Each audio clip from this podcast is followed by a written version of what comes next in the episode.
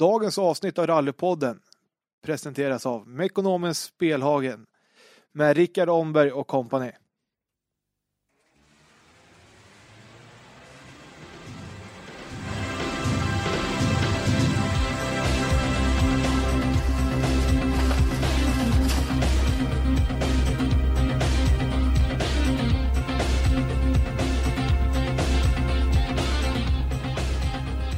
Tjena och välkomna till Rallypodden. Är det bra med dig Daniel? Jajamän, det är jättebra. Hur är det med Hampus? Det är bara bra. Lite småtrött så här men det får man väl vara. Vad gjorde du i, igår? Idag är det ju söndag men Ja, igår var det eh, Bilsportgalan. ja, då vart det lite fest då antar jag. Det blev det. Det är så det ska vara. Massa motorsportfolk, det brukar alltid bli bra fester då. Oh ja. Det kan jag tänka mig. Idag gästas vi av en av Sveriges få notskrivare som även är en riktigt duktig co-driver och har även gjort en liten förarkarriär också. Varmt välkommen Patrik Bart. Tack så jättemycket. Fruktansvärt kul att vara här. Jag är väldigt nöjd med att få vara en del av ert projekt kan man nästan säga att det är. Ja, nej, det är jättekul att ha dig här för du är ju verkligen en unik person inom svensk rallysport också. Jag tror inte bara att det är inom svensk rallysport utan det är nog överlag. Eh, och det är som du säger, notskrivare är jag. Eh, Jag har hållit på med rally sedan 2011 i stort sett. Eh, 2013 startade jag min professionella karriär. eh, Då som co-driver. Eh, Och efter det har arbetat upp sig i, ledet om man säger, och även utvecklat mycket andra saker efter vägen så som eh, butik och eh, en del föreläsningar, kurser och licenskurser och, och så vidare. Måste vara kul att kunna spinna vidare på sin stora hobby i alla fall. Och men det är det verkligen. Det är det verkligen det. Och eh, just det här med motorsport, för jag märkte ju ganska snart att man inte bara kan vara co-driver liksom och leva på det, utan det är mer saker som hör till det för att liksom få eh, en ekonomisk situation i det också då.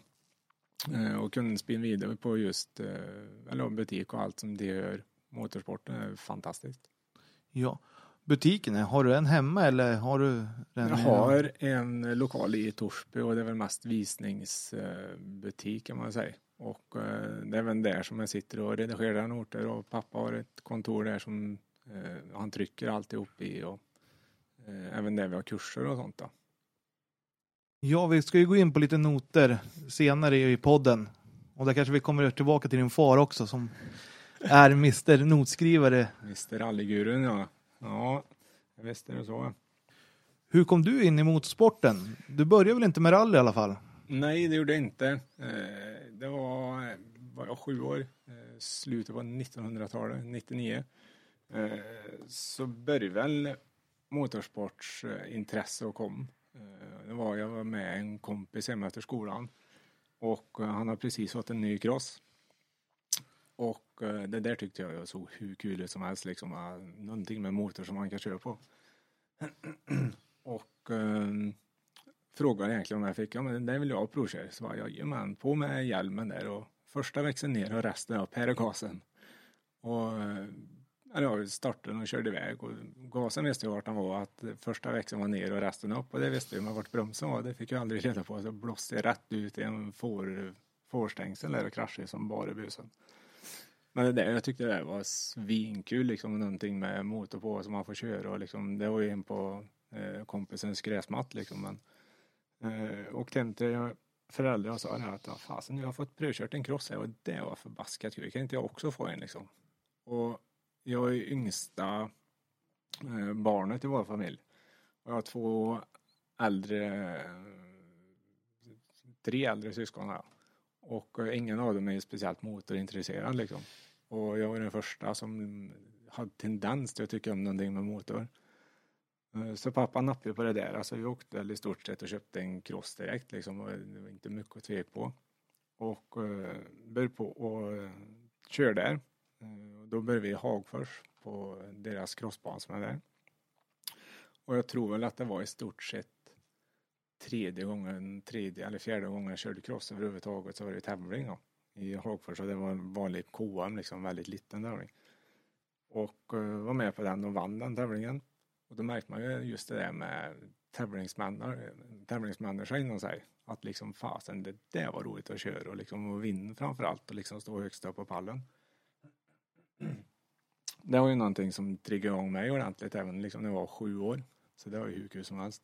Det kan jag förstå att det blir, det blir en morot om man får se att man är så duktig direkt och att man verkligen presterar.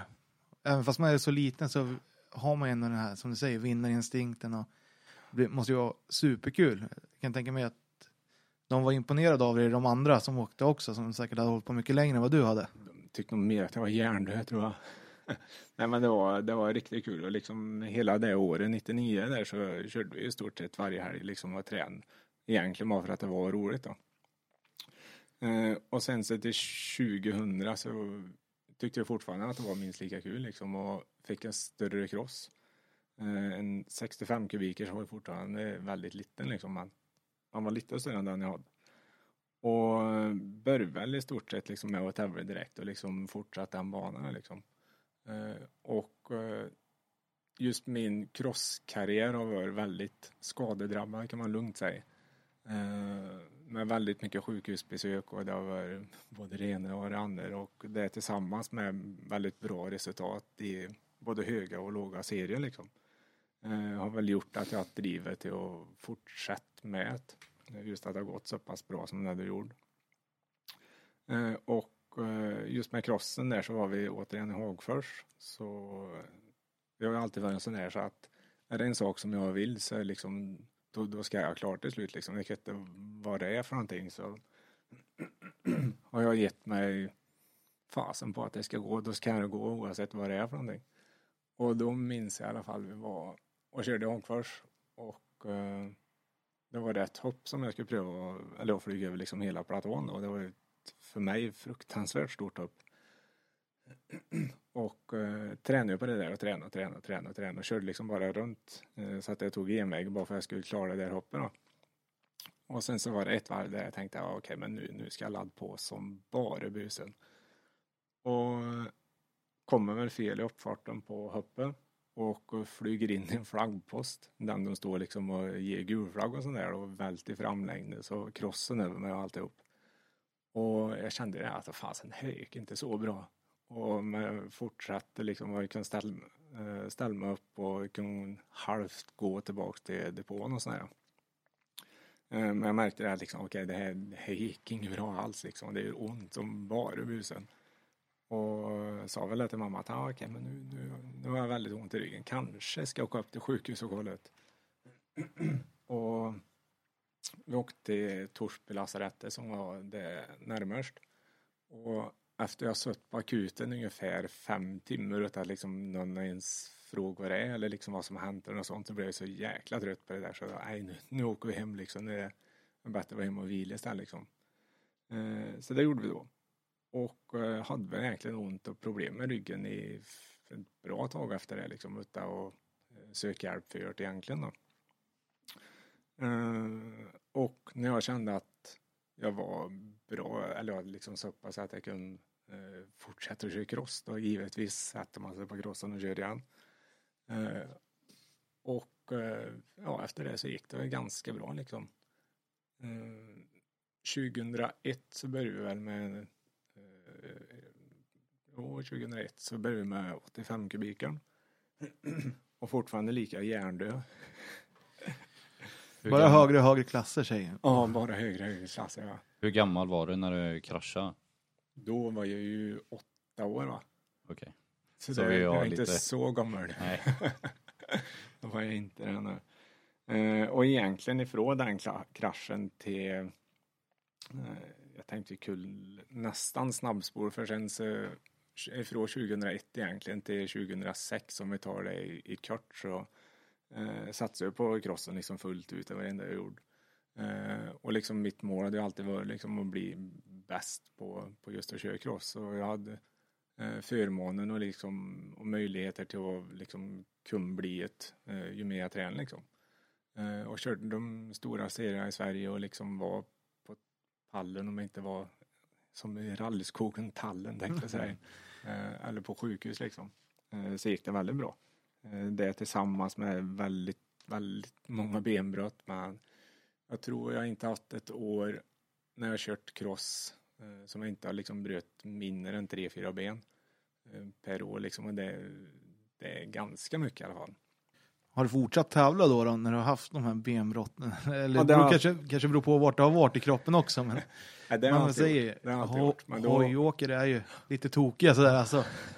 Man åker gärna fast man har lite ont. ja, men precis.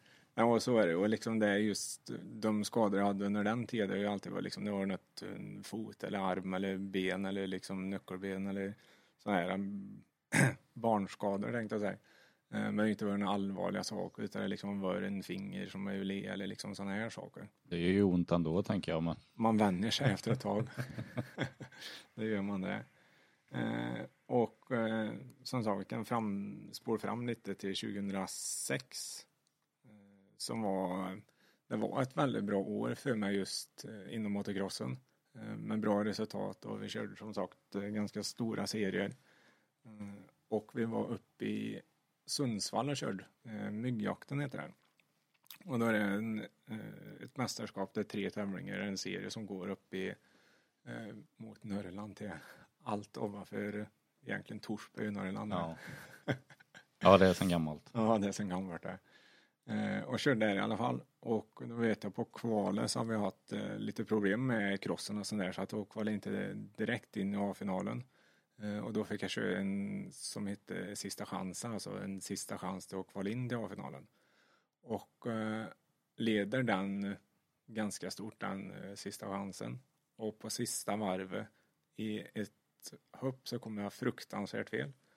Och det som är lite kul med just det hoppet är att jag i stort sett varenda år jag har kört där så har jag kraschat i exakt samma hopp och de har liksom har byggt om bana på grund av att jag har kraschat där så in i helskotta förut.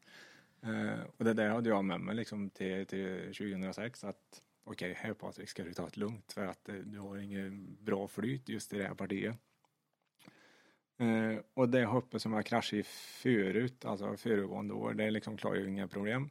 Och sen så efter det hoppet så kommer det liksom som en uppförstrapp och sen så kommer det som en hårnål höger. Och jag kommer i två olika spår i uppgången på hoppet eh, och flyger av krossen och landar liksom på sidan i uppfarten liksom på eh, eller i uppfarten liksom. Och eh, där armbågar jag mig själv i sida liksom inne in i revbenen.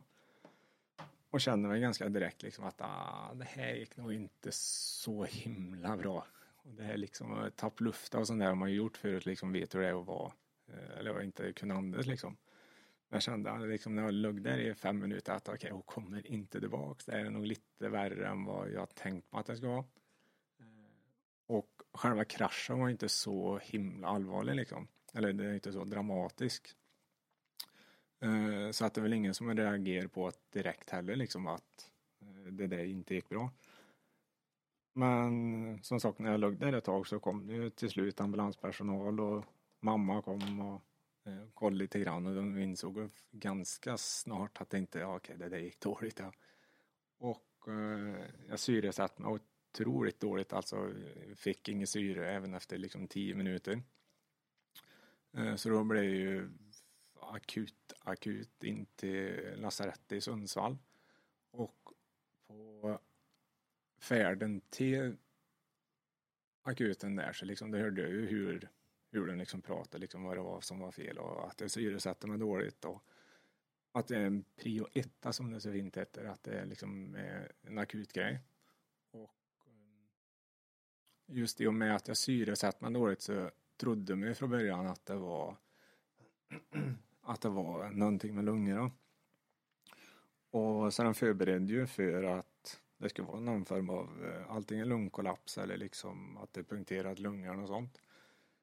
Och eh, sen så kom vi in på sjukhuset och på vägen till eh, operationsrummet eller vad man ska säga så eller kom det fram en doktor och då var jag helt avklädd liksom. De hade klippt av alla kläder och sånt. och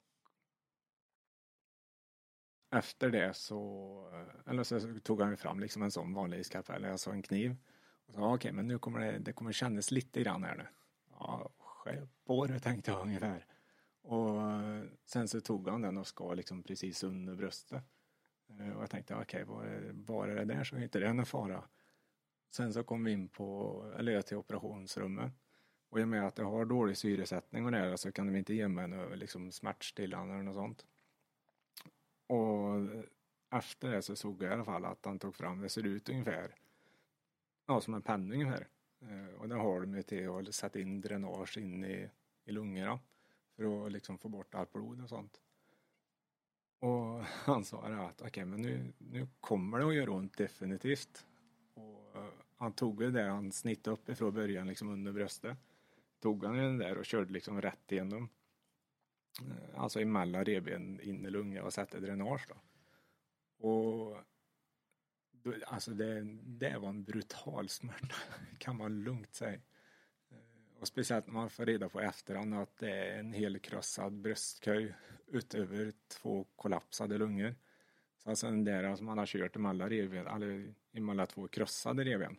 Eh, de revbenen hade ju mer eller mindre gått in i lungan liksom eh, och gjort så att det blev en total lungkollaps. Och det i sin tur är blodfyllt hela liksom magen och alltihop. Så enligt journalen så hade de inte på sex enheter blod, vilket är ganska så mycket. Fy fasen. Alltså det låter riktigt hemskt och du fick vara vaken under tiden också. När de gjorde det här. Då var jag vaken ja. Och det är ju på grund av liksom eh, att de kan inte söva mig för det är risken att jag skulle ha dött. Och sen så var det ju så eh, det var egentligen skulle jag inte suttit här idag överhuvudtaget. För med dubbel lungkollaps och uh, vara ute i luft i mer än en halvtimme ska man inte klara av liksom. Eh, men det har ju någon mening med det också. Du har provat din eh, smärtgräns. Den är väl utprövad. oh ja. Det är han. Det är därför en annan inte valde att börja köra cross. Jag hade nog aldrig klarat att bryta armar och ben så mycket. Ja, det är inte så farligt bara man vänjer sig. Allt kommer ju med, med rutinen. säger- ja, precis. Det gör det. Även skadorna. Ja då, var så säker. Eh, En del av sporten brukar man ju säga om det. och, men där, och jag tror inte jag har en enda kompis som inte har liksom slägt sig i och med att de har kört motocross. Liksom, Nej. utan det, det är ju sånt som verkligen tillhör den sporten. Det är det. Eh, och i alla fall i Sundsvall där som sagt det var fruktansvärt liksom akut egentligen. Jag vet nu i efterhand så har mamma sagt det att på, eller i ambulansfärden dit så satt ju om det var fram eller någonting så pratade ju med sjukvårdaren. Och de hade sagt det till att okej men du kan nog förbereda dig för det absolut värsta som kan hända liksom att jag avlider för att det är så pass allvarligt liksom. Eh, och det dubbel lungkollaps är inte bra. Nej, Någonstans. det låter inte skitbra. Nej, det var inget bra alls. Eh, Men som sagt, jag klarade den smällen också.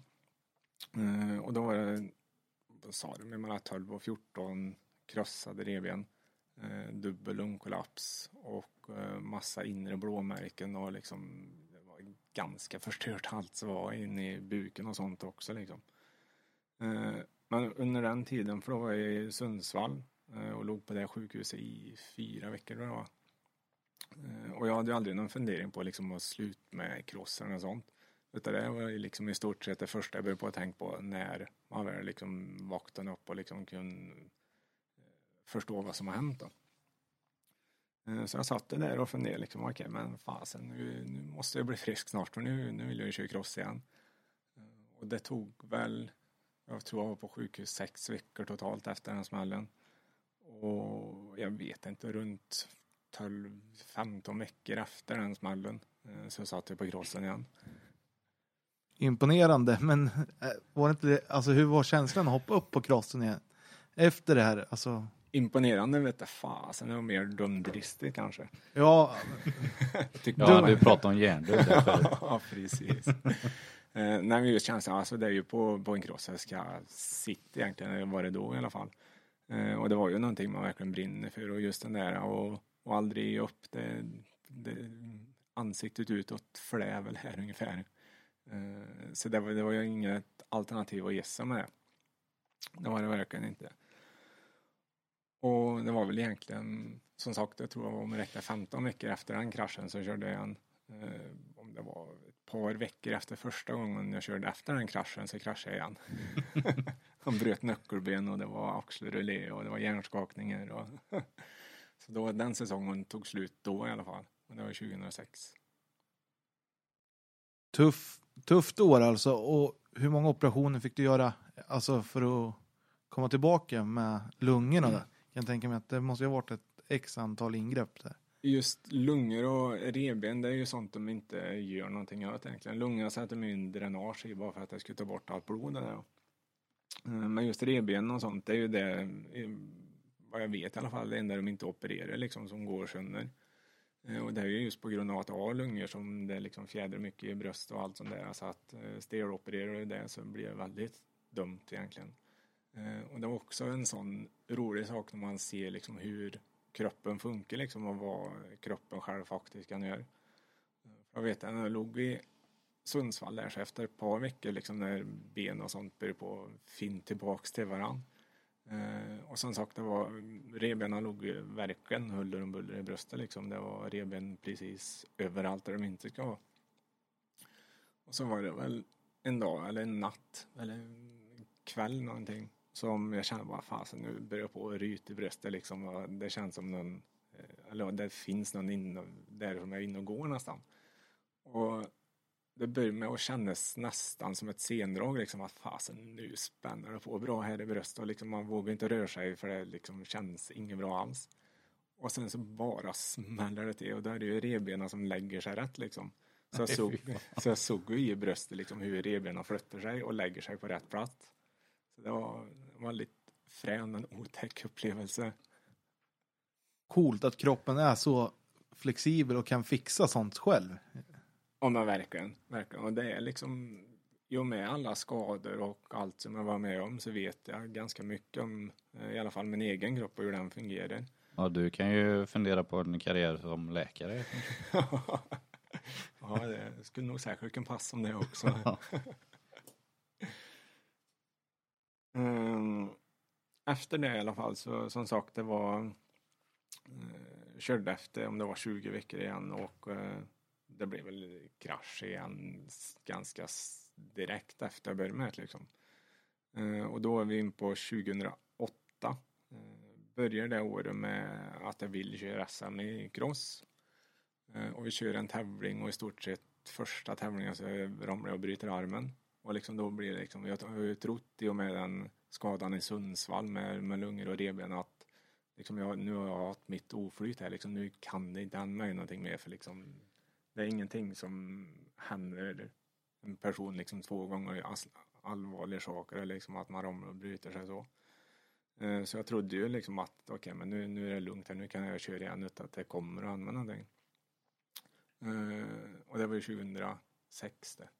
2008 eh, så var det väl egentligen ett ganska lugnt år för mig. I och med alla skador som jag haft och allt som är till det. Och sen så då var jag ju 16 år. Och då märker man ju speciellt när man bor i Torsby som jag gör liksom att fasen det är kul att ut och åka bil och liksom koll på det där och eh, just vara ungdom eh, och allt som tillhör det. Eh, så just crossmässigt så var det ganska lugnt år då. Och det började väl egentligen på hösten igen där sen. Att man kände att fasen det ska vara kul att börja på att köra igen och just den där tävlingsmänniskan, att man vill ha utlopp för allt möjligt konstigt och liksom då är crossen en väldigt bra verktyg till att få ur sig få ur sig sådana saker liksom. Verkligen adrenalin, ad, adrenalinstinn sport. Alltså, så man får ju mycket och jäkligt konditionskrävande också. Ja men verkligen. Verkligen. Och det, det är en sport som man måste liksom vara väldigt bra fysiskt med på för att kunna eh, hålla på med. För det är fruktansvärt jobbigt liksom. Och du har en, en cross, jag vet inte vad den väger, 100-110 kilo säkert som det är och möljer på i liksom en halvtimme, 40 minuter. Eh, så det är verk, verkligen konditionskrävande och liksom fysisk sport. Hur mycket var det och resandet? Var det mest i Värmland ni var och åkte eller var det som du sa Sundsvall? Alltså, fanns det någon geografiskt Ja, bild över cross? crossen, vi har varit i hela Sverige i alla fall. Och sen så har vi även kört en del i Norge och även nere i Holland, Tyskland och kört en del också. Eh, och det var ju någonting som jag liksom brann för ordentligt och vill bli absolut bäst på. Eh, och det är ju ungefär som allt annat att om annat ska jag göra det så vill jag ju vara eh, så bra som jag kan vara på det, liksom och ge mig själv de möjligheter eh, till att bli liksom så bra jag kan bli på de saker jag tar mig an. Och eh, som sagt 2008 så var det ju ganska lugnt då men på, på hösten där så sa jag till pappa fasen nu behöver vi nog ha en cross till här för nu börjar på att rycka den tarmen här. Eh, och han var inte omöjlig han för han tycker om att jag håller på med motorsport och liksom det umgänget som är inom motocrossen var ju i alla fall då eh, ganska snarlikt vad det är i rally idag. Liksom. Det är en väldig gemenskap och man träffas och eh, föräldrar kan ha roligt tillsammans och barn är ute och åker. Eh, så i alla fall 2008 så köpte jag en ny cross och började på att köra lite bara för att det var roligt liksom. Eh, mycket träning och sånt. Och eh, på vintern där så bestämde jag mig för att okej, okay, men nästa år ska jag liksom köra full SM-säsong och uh, sats helhjärta på att bli en bra motocrossförare. Så då tränade vi hela vintern, uh, var väl fyra pass i veckan liksom både fys och allt möjligt egentligen med tanke på att jag skulle bli Eh, så bra som möjligt liksom och som sagt ge mig själv förutsättningar för att kunna lyckas med det jag vill. Eh, började 2009 med egentligen ganska lugnt på just crossfronten och liksom ta ett steg för steg och verkligen köra sig in på eh, olika banor och liksom komma på de där nycklarna som man behöver till att kunna göra ett bra resultat. Och eh, som sagt, jag har ju alltid trott efter första allvarliga skadan, liksom ingenting mer kan hända mig nu för liksom jag har haft mitt oflyt i livet. Men det var inte riktigt sant. Du menar inte att det kommer en till sån här brutal krasch? Ja, nog nästan värre ändå ska jag kunna tro. Eh, framförallt så är det mycket mer följder av den. Eh, då var vi i Sunne och eh, körde träning, egentligen en vanlig träningspass. Eh, och körde där och då körde vi tidskval, heter det, trän på tidskval. Eh, och då åker vi ut och kör liksom två varv så absolut snabbt vi bara kan och sen så in och vilar och kollar. liksom vad man kan göra bättre och se om det går att ändra någonting på crossen och sånt. och eh, var ute och körde där och så var det ett parti på banan går jäkligt fort. Eh, så går den höger så går det en ganska skarp vänster som avslutas med ett hopp och det hoppet går ner i en dal och sen så går det upp igen och till en hård vänster. Och precis uppgången på det hoppet så skulle jag lägga i femmansväxeln och jag vet inte om växellåda låser sig eller om det kommer i friläge men det blir absolut noll driv på bakhjulet. Eh, vilket resulterar i att jag flyger, eller jag flyger framlänges liksom över crossen. Och vi mätte upp det där nu att ifrån det jag började på flyg utan cross till det jag landade så var det cirka 46 meter. Och då landade jag rätt på ansiktet. Fy fan. Alltså det, känslan i luften kan inte vara rolig då. Ja, jag hinner att tänka en del där alltså. Ja. Det gör man det, absolut. Shit. Eh, som sagt så landar jag ju på, verkligen på ansiktet. Eh, och hjälmen går ju av i, eh, Eh, vid hakpartiet kan man säga och trycker upp sig upp i näsa. Eh, så näsa är väl ganska mosad och det tar ju med sig liksom hela högra sidan av ansiktet i stort sett. Eh, och slår ju sönder väldigt mycket saker nere. Och landar även på axlar så att hela nyckelbenet är ju ganska krossat. Alltså från punkt A till B i stort sett, det bara fliser av kort. Även den här gången så var det väl ungefär 15 revben som var mer eller mindre skrot. Eh, och som sagt, jag flög ju utta krossen i luften och krossen kom nu bakom mig och landade i ryggen.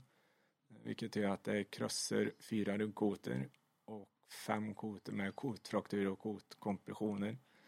Och det gör att eh, det blir ganska bra tryck i ryggen så att det går ner och krossar bäckenben också. Sen så är det hjärnblödning, dubbelpunka på lungor och massa andra inre blödningar. Ingen roligt överhuvudtaget att höra. Alltså man ryser bara av att sitta där och lyssna på det. Man sitter ju och föreställer sig hur det hade varit att se den kraschen tror jag. Ja, det var inget kul, tror jag i alla fall. Jag kommer ihåg mamma var, mamma var med, ja. Pappa var ute och gjorde rallytävlingen. Eh, men mamma var med och liksom jag förstod att det här är ganska allvarligt när hon kommer fram till mig och liksom bara stortjuter i stort sett. Eh, och jag menar, hon var ju med sen jag började på körcross och eh, hon har ju sett ett och annat. Ja, hon var ju med vid den första brutala kraschen där. Precis, och liksom de 50 andra krascher som jag gjort vid sidan av det. Och när liksom jag såg på henne att okej, okay, det här gick inte alls bra. Eh, och liksom innan hon kom fram till mig överhuvudtaget så redan ringt ambulanser och sånt. Så de var ju redan på väg. Jag tänkte säga det, när du bara är i träning så, där, så finns det ju inga ambulanser på plats heller. Så hur, hur var tiden innan ambulansen kom? Just- Så du måste ju ha så fruktansvärt Just- ont och alltså och sen även det- det- du, kanske, du känner säkert inte av den ens Ja, jo smärtan. Eh, ambulans, jag, jag vet jag faktiskt inte vad lång tid det tog innan han kom. Eh, det var ingenting som jag reflekterade över, liksom att det var lång tid. utan- Och jag kände Eh, då när jag låg där, för jag var fortfarande vid medvetandet om man säger. Eh, och det var ingenting som jag kände liksom, ah, okej om den kommer nu eller om en halvtimme, liksom, det är inte mig någonting mer än att jag ligger och förbaskat ont. och eh, ambulansen kom i alla fall. Och när jag kommer in återigen på Torsby sjukhus så sa man, ah, det är nog ett nyckelben som har gått kanske, eller något sånt där. Och liksom de såg att hela ansiktet var helt söndertrasat. Uh, så att de liksom såg att det, det kanske inte är så bra, men från första början så var det liksom ett, ett nyckelben, för det var mer än tydligt att det inte var bra med det i alla fall. Eh, men de skickade röntgenbilder till Uppsala och Uppsala sa att okej, vi får nog köra hit den i ambulansflyg liksom till, till Uppsala, till deras sjukhus. Eh, så det blev jag i, vad blev det, tre månader på, i Uppsala. Och totalt åtta månader med rehab och eh, eller sjukhusvistelse liksom. Och rullstol lite längre än det. Ja, så jag kan tänka mig att åtta månader måste vara hur segt som helst för dig som har så mycket energi och verkligen vill pro- alltså komma ut igen. Men här måste du börja tänka lite att nu kanske det är stopp med crossen en stund. Ja, egentligen för crossen möjligtvis om det var då att man kände att okej, men det här kanske inte är rätt. Och sen så i och med den eh, verkligen allvarlig ryggskadan som blev så tog det även ryggmärgen. Eh, så den första, första månaden så kände jag absolut ingenting ifrån naveln och neröver ungefär. Och sen så sakta men säkert så började det på kom tillbaka liksom. Jag kände ju fortfarande att det, det är mycket saker som inte funkar liksom i, i ben och sånt. Men jag tänkte, du var ju smått förlamad där då, eller helförlamad. Det, ifrån början så var jag helt förlamad Ja. i stort sett. Sa de någonting om att du aldrig kommer kunna gå igen eller? De, just, de när det gäller, läker? just när det gäller ryggmärgen så är det ju väldigt svårt att uh, säga liksom vad, vad det blir för någonting. Eh, för just när du kraschar ryggmärgen så sväljer den upp ifrån början. Eh, och just när det blir sån splitterskada som jag hade på uh, de ryggkotor som det var värst så kunde man inte se liksom, om ryggmärgen har gått av eller om han liksom bara var svälld eller liksom hur mycket, eh, mycket som har gått sönder av just ryggmärgen. Eh, Så att ifrån början så visste man inte hur dåligt eh, det skulle bli eller liksom jag skulle lika gärna kunna bli fullt frisk som fullt förlamad i stort sett. Eh, Men det där gick ju längre och längre tid och det var tre, fyra månader så liksom jag började ju bara kunna röra på ben och med och med alla andra skador så hade det så väldigt svårt att och liksom kunde göra någonting för när du ligger med en helt krossad kropp i stort sett så liksom även om eh, ryggen är ihopskruvad och allt sånt där så liksom du, du har svårt att röra dig ändå liksom och röra på armar och sånt i och med att revben och nyckelben och en massa leder och sånt som är helt skrotade i stort sett. Eh, så tog det väldigt, hade bara över ryggen så hade det gått lite fortare i alla fall att komma upp på benen. Alltså, men känslan när du, när du får tillbaka känslan i, alltså i benen. Hur, hur, alltså, hur upplevde du den? Just det- känslan i benen. I början så var det inget kul för då var jag alldeles överkänslig. Alltså jag hade alldeles för mycket känsel i speciellt lår och eh, runt knäna och sånt där. Eh, Och det var heller ingen trevlig sak liksom. För det, om du la en filt över låret så kändes det som det står och någon och hugger med kniv istället. Och det räcker med liksom att det är lite filt eller en är det så. Så att det var inte så kul heller. Läskig känsla också och inte veta att tänk om det är så här det ska vara Ja resten av livet eller? Ja, och- och det är ju just det eh, resten av livet, för då var jag 17 år. Och var ju liksom med ena foten i vuxenvärlden om man ska säga så, liksom ska gå ur skolan och Väldigt på väg in i vuxen. Ja men precis. Eh, Och sen så fortfarande liksom vill hålla på med crossen och allt det där och liksom bara ser eh, att de rycker matta liksom att eh, det inte finns någon framtid för mig liksom att jag skulle vilja hålla på med det jag gör och det kan jag inte och liksom jag är utbildad fordonsmekaniker och liksom det insåg jag ganska fort att med nio eh, stereoopererade ryggkotor liksom halvförlamad. det kommer ju heller inte finnas en chans i världen över att eh, jag ska kunna hålla på med liksom. Eh, och det var väl egentligen det som jag tror är eh, var den första, eller största faran för mig liksom. Just när man kommer in i ett sånt tänk som 17-åring. Och i och med skadan så, det var ju som sagt inte ett eller två eller tre ben som var bröt ut, det var ju i stort sett hela kroppen. Så jag gick ju på förbaskat starka mediciner. Och det är ju mediciner som man blir beroende av också liksom. Och det, de är inte så hälsosamma i längden de där och det där gick ju på i liksom ett år nästan. Och det tillsammans med att man inte ser någon någon framtid i någonting som man verkligen har kämpat för liksom under så, så lång tid och liksom med skolan och allt det här så var det fruktansvärt tufft för mig. Mm. Liksom just uh, psykiskt.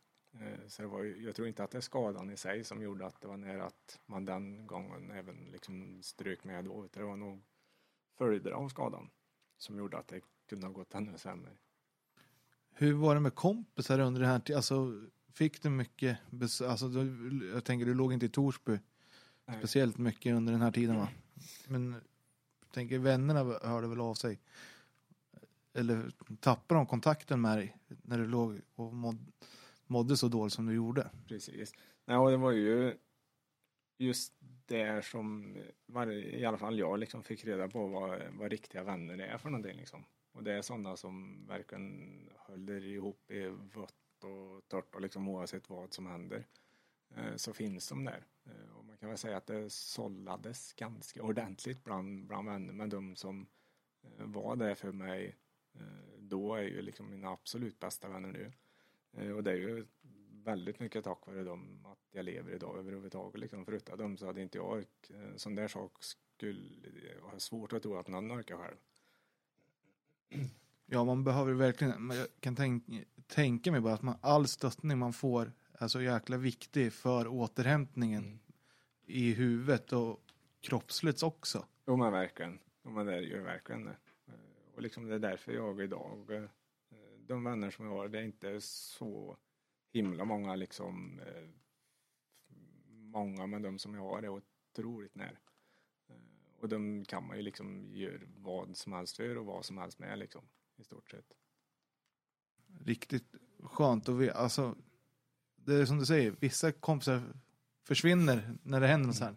Man bara, äh, nej, nu skiter vi i honom typ. Mm. Och sen kommer de här som verkligen backar upp en och verkligen vill hjälpa dig. För jag kan tänka mig att de hjälpte dig när du kom hem också. Och, ja, och alltid fanns där. Mm. För jag kan tänka mig att det var mycket rev hemma också. Ja. När man väl kommer ur skadan och ska ja återgå till ett normalt liv eller så normalt det kan bli efter en sån här skada. Mm.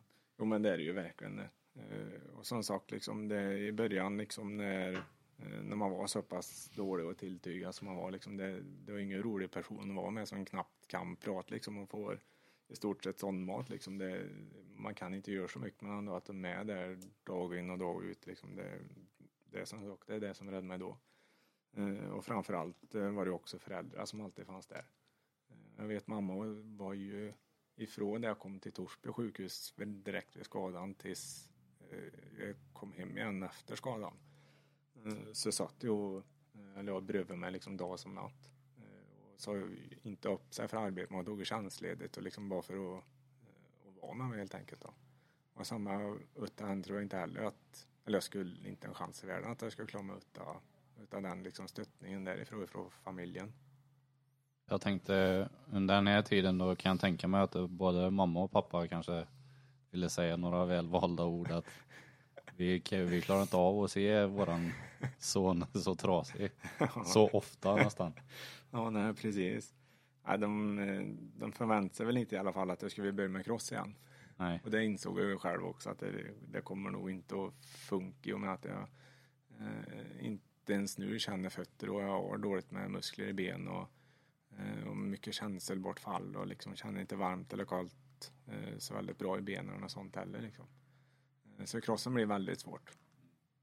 Eh, jobbigt att växa upp ändå för eh, man är ju bara i starten av livet som 17-åring. Jag kan säga att du växer upp fruktansvärt fort i alla fall. Ja. Eh, Och det är många som, eller jag själv tänker ofta på liksom vad man skulle vilja ha gjort i livet och liksom och allt det. Och i och med skadan, liksom själva skadan, den önskar inte ens min värsta, värsta fiende. Nog för att jag inte har några sådana. Men, för liksom det, det är en så otroligt jobbig sak att gå igenom. Eh, men det är ingenting som jag skulle vilja ha ogjort heller. Eh, för det jag har lärt mig av det är liksom det om man bortser från smärtan och liksom allt som gör det så är det en sån sak som eh, egentligen alla som finns borde ha gått igenom just för att ta tillvara på allt man har. Och inte gå ner sig allt för mycket för det man inte har liksom. Och verkligen leva i, i här och nu liksom och göra det bästa av det man kan liksom och det man har. Det är jätteviktigt det du säger, alltså, att man ska verkligen vara rädd om det man har, men, man ska våga prova det man vill också. Ja men verkligen. Verkligen, det ska man verkligen. Eh, och det, jag försöker att leva så att eh, för någon gång kommer vi liksom inte finnas längre och då skulle jag inte vilja ha någonting eh, ogjort eller liksom någonting som jag vill göra fast inte har gjort det. Jag vill ha gjort allt som jag känner för jag har levt liksom fullt ut inom vissa gränser kanske. Då. Ja, det finns ju alltid någon liten gräns som man kanske inte ska kliva över. Nej, Men den är jäkligt hårfin, så ja, man vet ju aldrig fin. när det är sig. Nej, så, det, nej, så från och med då egentligen så har jag gjort det som eh, i alla fall från då jag kom tillbaks på, på banan igen liksom, så har jag gjort det som, eh, som jag vill göra liksom. Det är det verkligen det. Men då är- var det ju slut på krossen här. Om man säger, hur, hur sammanfattar du dina krossår? Krossår sammanfattar med väldigt mycket skador. Jag, jag räknar upp det. Jag brukar säga det enda som jag har ärvt efter, eller inte det enda, men mycket av det som är tydligt att jag märkt efter, ärvt efter pappa, det är dels hårfäste och sen så är det min och sen så är det benskörheten. Jag tror pappa har bröt det, 126 ben går han runt och skryter om att han har bröt och jag är absolut inte långt efter. Om inte annat har jag varit med om bra mycket allvarligare saker. Det kan jag tänka mig. Jag- Vet, vet du hur många ben du har brutit? Nej, jag vet faktiskt inte det. Så det kan vara värre alltså? Ja, om man räknar liksom alla, liksom, säg sista resan jag gjorde var ju som sagt typ en hel bröstkorg och nyckelben och liksom var det i slutändan åtta ryggkotor eh, och bäckenbenen så det är ju ett par eh, i den smällen liksom. Eh, och jag, jag har för mig att jag var på sjukhus cirka 23-24 gånger. Eh, och då är sista vännen liksom en gång av dem och då gick ju halva gruppen liksom. Så jag tror inte att jag är så långt efter honom i det. Jag vet inte om det är någonting att skryta över. Men Nej, det, det är kanske inte något man vill vinna heller. sig. Nej, jag tror inte det heller. Men hur kom du in på rallyt då, då efter krossen och På efter rally? skadorna? Det är också en kul grej egentligen. För just i och med crossen och det där så eh, tyckte väl inte i alla fall mamma att eh, okay, nu, nu ska du sitta still ungefär och gör ingenting som du slår dig av liksom. Eh, och pappa som är Gunnar Bart, han är ju rallyguru i Sverige. Och han har ju åkt eh, allt som går att åka eh, och gjort noter sedan början på 2000-talet tror jag i alla fall. Arrangörsnoter. Eh, så man har ju alltid haft det där rally med sig på ett eller annat sätt. Jag har aldrig varit intresserad av det. Liksom att det är någonting som jag vill börja med och något sånt. Eh, men det har alltid funnits i familjen liksom. Eh, och då på väldigt hög nivå också. Jag menar pappa har åkt mycket med Thomas Rådström och Stig-Olof Valfridsson åkte han med i 25 år tror jag. Och Stecka där, Stig-Olof, han har ju en son, Jimmy Valfridsson. Det var väl egentligen där min rallykarriär började. Det var också lite kul för det var i slutet på 2010. Eh, satt jag och pappa och Jimmy och stickade vid värdshuset i Torsby. Och eh, eller jag satt bara och ströprat egentligen liksom om allt möjligt. Och då kom vi fram till att Jimmy hade med en kartläsare som skulle börja på skola i Australien för att det var. Eh, så han stod och och kartläser. Eh, Frågade mig, det kändes ju mer eller mindre som på skoj liksom. Ja men Patrik du som ändå sitter i rullstol, ska inte du åka med mig i rallybilen då? Ja, tänkte jag då. Eller jag tänkte, jag tänkte att nej för fasen gör inte det men det som kom ut var ja, det är klart jag ska. Eh, och det var ju som sagt, det var ju vintern, alltså efter säsongen 2010. Eh, så det var inga tävlingar då, så det första Mm. som var eh, var i början på 2011. Och pappa sa det att okej, men ska du börja med rally nu, då, då vet du vad det är som gäller Patrik. Att eh, liksom allt ska skötas by the book, mer eller mindre. Liksom. Och eh, det som är viktigt för en kartläsare, är att du, du ska kunna regelboka, det är viktigt som fasen. Eh, och i och med den skadan som jag hade så kunde inte jag ha något arbete eller något sånt liksom. Speciellt inte som bilmekaniker. Utan då satt jag hem på dagar och kvällar och nätter och allt möjligt och bara läst regelböcker i rally liksom och just hur det funkar med rally överhuvudtaget. Eh, och efter jag gjort det i ett par månader så tyckte pappa att okej men nu ska jag ut och liksom se hur noter funkar och liksom hur det finner ut på sträckor och räkna tidkort och allt sånt där. Eh, så jag tror att innan jag ens hade suttit i en rallybil, alltså på tester och sånt, så har jag åkt ungefär 400 mil i vanlig personbil. Eh, och bara liksom läst noter på vanlig, på vanlig vägen då liksom. Det är ju få förunnat att ha en sån engagerad pappa också som, som verkligen hjälper en igång om man säger. Jo men det är det. Eh, Det är det ju. Och sen så just den kunskapen som man har. eh, Och speciellt angående noter och här, liksom det, jag själv kunde inte ha drömt om någon bättre liksom eh, läromäster för just att lära sig noter och det då. Det måste vara suveränt och även bolla idéer med, med pappa då också. Innan det ens har börjat. Hur, hur tänkte du när du började, alltså hur ni la upp eran träning ihop?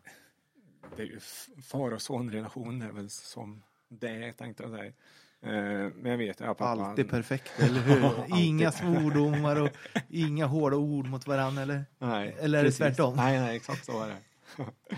nej, och, det, och jag vet ju liksom, jag vet ju vilka meriter pappa har och liksom, eh, jag tycker det, så som jag var då så tyckte jag att det var dumt att inte lyssna på honom liksom. För att jag kunde absolut inte bättre själv. Eh, så det var ju bara att lyssna på honom och ta åt sig av det han sa. Eh, det var det ju det. Och sen så kom ju första tävlingen, det var 2011 var det. Jag vet att det var Munkvarsrundan. Och hade lagt ner mig som bara busen inför den tävlingen liksom, så att man Eh, skulle kunna så mycket som möjligt av det och liksom vara ute och träna extra mycket noter liksom, så jag skulle se alla symboler och allt det där och... Eh, och körde den tävlingen och eh, vi kom väl runt i alla fall. Jag kommer inte ihåg resultatet hur vi kom där men jag vet att vi tog oss runt ute och bli av vägen. Och Jimmy tyckte att det där, liksom, ja men fasen, det Patrik gick ju bra, liksom var ju kul som fasen så att vi, vi fortsatte och kör. Eh, sen körde vi Bergslagsrallyt efter det. Eh, och i samband med det så liksom sa väl Lima att, ja men du, vad ska vi åka efter det här då? För nu, nu liksom beror på att bli varm i kläder och eh, det är jäkligt roligt och det funkar bra ihop och sådär liksom. Och det enda tävlingen som jag visste om då var ju typ Svenska rallyt liksom. Eh, Så det slutade med att vi anmälde oss till, det var ju SM-delen till Svenska rallyt då 2011. Eh, och det liksom är tredje tävlingen, är den tävlingen och det är, Det måste ju en, alltså, även fast du inte hade några fram, framtidsplaner egentligen när du åkte cross och håller Mm. på med rally. Så måste det ändå vara en Värmlands grabb måste ändå, Svenska rallyt, det Ja, det- kittlar något extra i magen. ja det gjorde det verkligen. Ja herregud vilken, det var en jäkla resa. Eh, Och som sagt Svenska rallyt, det är, det är ju det största man kan uppnå i stort sett som svensk eh, både chaufför och kartläsare få möjligheten att åka den tävlingen liksom. Så det var, ja det var jäkligt fränt. Och kul att få göra en 240 också. Pippigul 240 ja. Det var jäkla roligt och det var just det var en väldigt eh, svår tävling eh, för vi hade väldigt mycket problem med den stackars 240. Jag vet vi ras bakaxeln på en två gånger eh, och det var massa massa grejer eh, som hände. Eh, men det var en väldigt givande tävling också och det var väl egentligen den tävlingen som fick mig liksom på, på andra tankar liksom och just i och med att jag har kört cross och liksom var på hög nivå där och alltid haft ett mål för mitt tävlande och sådär så liksom tog jag bara alla de pusselbitarna pusselbitar som jag hade inom motocrossen och förde över det in till en rallybil som kartläsare istället liksom så jag började om Så jag bytte ut crossen mot en högerstol istället. Men ändå kul att kunna fortsätta. Det måste ju kännas som en enorm vinst och verkligen få hålla på med motorsport igen. Efter de tunga åren du hade där. Jo men verkligen. Ja, ja. Eh, Och det var ju, det var ju som sagt, det är mycket likheter med det också. Eh, Och i och med att pappa var eh, kartläsare och co-driver så liksom eh, Sen när man kör crossen det är ju du själv som styr och ställer med spakar och liksom du, du själv väljer hur du ska framför eh, fordonet. Eh, Men just när det gäller rally så där tänkte jag inte ens tanke på att liksom köra själv så där var det ju liksom naturligt att du ska vara eh, co-driver då liksom. Där måste det ju kännas alltså kul och sen att ha pappa som har åkt x antal VM-tävlingar också. Och axla hans roll eller blev det så här, nej det här ska jag bara göra för att det är kul.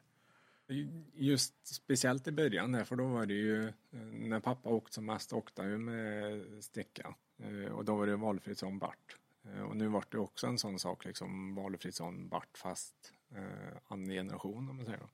Eh, och det där jag vill väl tro i början att det där stack väl säkerligen en del i ögat hos både den ena och den andra liksom att okej Patrik kommer in och får åka eh, det liksom och eh, just det där med och eh, ärva efternamn det är inte alltid bara bara liksom. Nej, man, det kan verkligen få en annan klang utåt också. Att ja, han får allt på silversked och bara kan hoppa in och göra det här.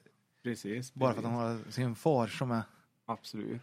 Eh, det var väl ingenting som jag märkte av just där och då, liksom att det var så. Eh, men jag hade ju det där bakom, eh, liksom att jag ska bevisa för dem att det är inte liksom bara att jag kommer in och jag heter Bart och liksom kan det med noter. Utan ska jag göra det här då vill jag bli liksom bäst på det liksom på, på mitt eget sätt.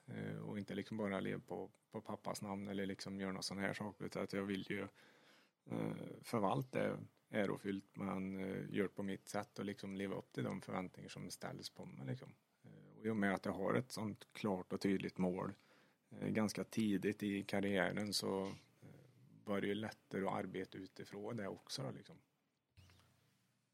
Och det tror jag är viktigt att ha ett mål.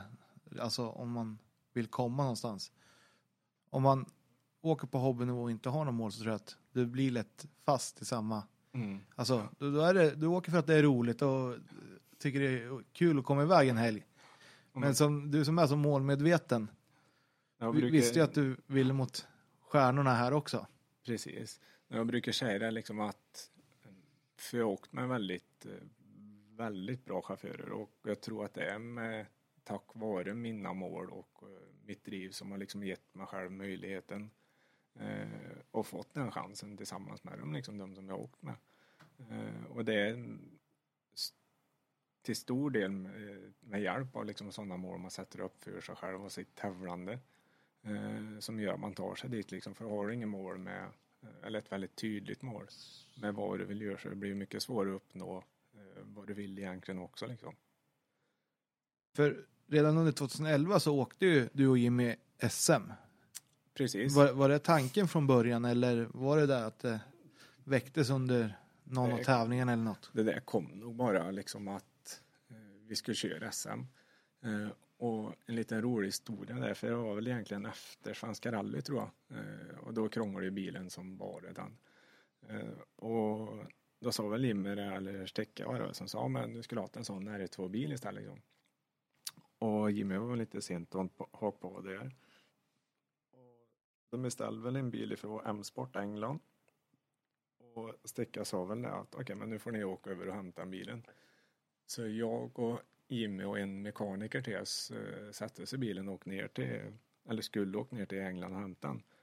Och då var det lite kul för eh, bara en vecka innan och sånt så insåg jag att fasen, jag har ju inget pass eller något sånt. Det måste vi ha för att komma ner till, eller in till England. Så vi var väl inne och liksom, eller jag tog kort och liksom beställde pass och allt sånt där. Och, eh, och sa att ja, men det är ganska bråttom att få det här för att vi ska till England och hämta en bil. Sen så var det väl, det vara dagen innan vi skulle åka. Så eller jag ringde vi till polisstationen och liksom, ja, vart är passet liksom för det, vi skulle behöva ha det nu för vi åker till, till morgon. Så, ja men det, det går bra om du bara får passnummer här och liksom så att eh, de som är i tullen vet att du kommer, eller har ett pass liksom, bara har passnummer och sånt. Och det där trodde ju, eller i alla fall jag på liksom och såg inget problem med det. Så vi satte oss i bilen och åkte ner till, vi kom väl till Holland för att skulle upp båten över, var det Hook of Holland till England där. Och kommer ner där och skulle visa pass för att ha passkontroll. Det hade inte jag något med. Så, ja men du, du får inte komma med i den här båten, nu får du liksom gå av. Hopp. Så fick jag vara två dagar i Holland istället och vänta på att den skulle komma tillbaka med, med tävlingsbil. Då. Vad gör man själv i Holland i två dagar? när, när de och hämtar bilen. Ta det jäkligt lugnt. Vilken besvikelse att inte få besöka M-sport också. Ja, ja, det skulle vara jäkla kul att bli med dit. Det skulle absolut ha varit. Men det, det var en sak, det var trevligt i Holland. Ja, men bilen hämtade i alla fall. Du fick följa med hem i alla fall. Ja, hem kom jag med ja. Det gjorde det. Och det var som du sa, sen fortsatte vi och köra. Vi körde ju så mycket vi liksom kunde det året, 2011, i både SM och massa andra tävlingar också. Dock var vi väl mer på, på tak och av vägen än på vägen tänkte jag säga. Så det var väldigt mycket liksom lätta rullning kan man säga och vi sprängde motor igen och det var det ena och det andra. Ett läroår alltså. Det var För- för- definitivt ett läroår. Det var det. Eh, sen kom vi till 2012 och det började vi väl i stort sett med. Vi åkte väl någon tävling innan svenska gjorde vi. Eh, men även det eh, körde vi Svenska rallyt. Då var det VM-delen vi körde där. Och om inte jag missminner mig så kom vi ju tvåa i våran klass då. Det stämmer alldeles utmärkt. Gör det. två stycken som kom i mål. Men det behöver man aldrig berätta. Nej, just det, nu har du gjort det. Så. Eh, och det, men det var också en sån, det var en riktigt lärorik eh, tävling och då kände man ju liksom verkligen att det var på, på riktigt. Eh, och jag vet det var på Vargåsen sträcka. Så kom vi in i ett vägbyte och så spränger vi växellådan där och det var massa krångel. För jag vet jag Steve Rökland rullade framlänges på första dagen där. Eh, Och han hade ju bil ifrån M-sport så då fick vi en person till att åka och hämta den växellådan och den bilen var ju på väg över till England igen och för mig de var på väg till Norge. Eh, Men jag fick en person att åka och hämta en växellåda och skruva ur den bilen och tillbaks till oss så vi kunde, vi kunde fortsätta tävlingen liksom. Så det, ja, Svenska rallyt är roligt alltså. Ja, det kan jag verkligen tänka mig. Och Vargåsen, det har ett eh, Valfridsson, ett, sitt, någon av Valfridssonarna vet jag bor i närheten där också. Ja, de har ju sitt event där om inte annat precis innan, eh, innan du kommer ut på Collins Crest kan man säga. Så har de ju event där och sånt. Eh, Men annars så bor de ju runt Torsby eller Karlstad, de flesta valfridszonerna. Ja. Det är så, det, för det, jag vet när man varit på Vargåsen, vi brukar åka in där, då brukar det alltid stå fullt av Helmia-bussar och massa Valfridssons bilar. Precis, ja det har de det. Det brukar vara ganska uppskattat, vad det verkar som bara. Ja, så det var väl svenska och sen så det året så det var väl samma egentligen som 2011 att vi, vi körde så mycket vi kunde liksom. Och, eh, men det var återigen liksom, det var mer av vägen än på vägen och mycket rullningar och eh, till slut så är det börjar på att kosta ganska mycket pengar liksom. Eh, och det är ju det när man, när man rullar den här tvåan och mycket gånger då blir det dyrt till slut. Och då kom jag väl i kontakt med Mattias Olsson, inifrån en från Kil. Och han frågade om jag skulle åka med i Danmark var den första tävlingen tror jag. ja Med Tyskland. Tyskland är nog första. Ost, var det ja. Eh, Så åkte med där i originalen. Så det var ju, det var ju liksom första riktiga utlandstävlingen och liksom det väckte ju en helt annan sak liksom inom mig just att få komma utomlands och tävla framförallt. För jag varit, i och med crossen så har jag varit ut, eller utomlands och liksom kört träningar och sånt men nu var man liksom utomlands och det var tävling och det var även om det var en Volvo original så var det ju hur coolt som helst liksom. Så vi körde där och sen så, det var det efter den när vi körde i, i Danmark. Och och um, efter den tävlingen så blev det väl mer eller mindre att man bestämde sig för att okej, men nu, nu har jag ändå kört två halva säsonger i SM kan man säga och liksom åkt Svenska rallyt och åkt eh, en del utomlands och Eh, på kort tid har på sig eh, ganska bra erfarenhet i alla fall tycker man då. Eh, sen så jag bestämde ju det för till 2013 att okej, okay, men nu, nu kommer jag satsa på det fullt ut. Och fortfarande i och med skadan så kan jag inte ha ett, eller kunde inte då ha ett vanligt jobb i alla fall. Så jag startade Bart Motorsport med tanke på att det skulle vara kartläsare på heltid liksom. Hur, hur kom du på, alltså superbra idé att komma på att man startar ett företag till att driva rallyt genom det. Jättebra idé att starta ett företag utan att ha en aning om hur man får in pengar. Ja, men du, du har ju den här drivkraften, den kommer ju du alltid komma långt på och det vet du ju. Så jag tror du hade det lite i bakhuvudet när du startade det här. Alltså, jag tänkte att ha ett företag, jag måste ju få in pengar på något sätt och det, det, det gick ju till slut. Eh, och eh, som sagt, tanken med Bart Motorsport var ju liksom för att eh, kunna livnära sig på, på liksom att vara co-driver då. Eh, första året så liksom då, då var det mer att okej, jag driver eget företag och har noll på kontot. Och det, liksom, det var genomgående hela året. Eh, men vi åkte ändå, vi åkte SM och jag har för mig att vi blir, blir två eller tre totalt i SM i otrimmat det året. Eh, och det var ju liksom en, för- ett förmål man hade liksom under säsongen. Det liksom kom eh, på pallen totalt i, i SM.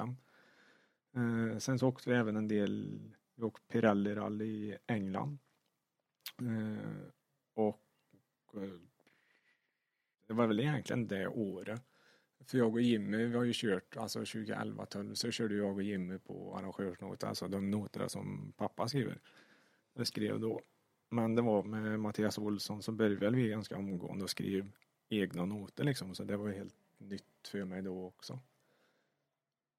Hade du, hur tänkte ni där när ni skrev noterna? För det är alltid kul att höra de här olika berättelserna när man väl börjar skriva eget.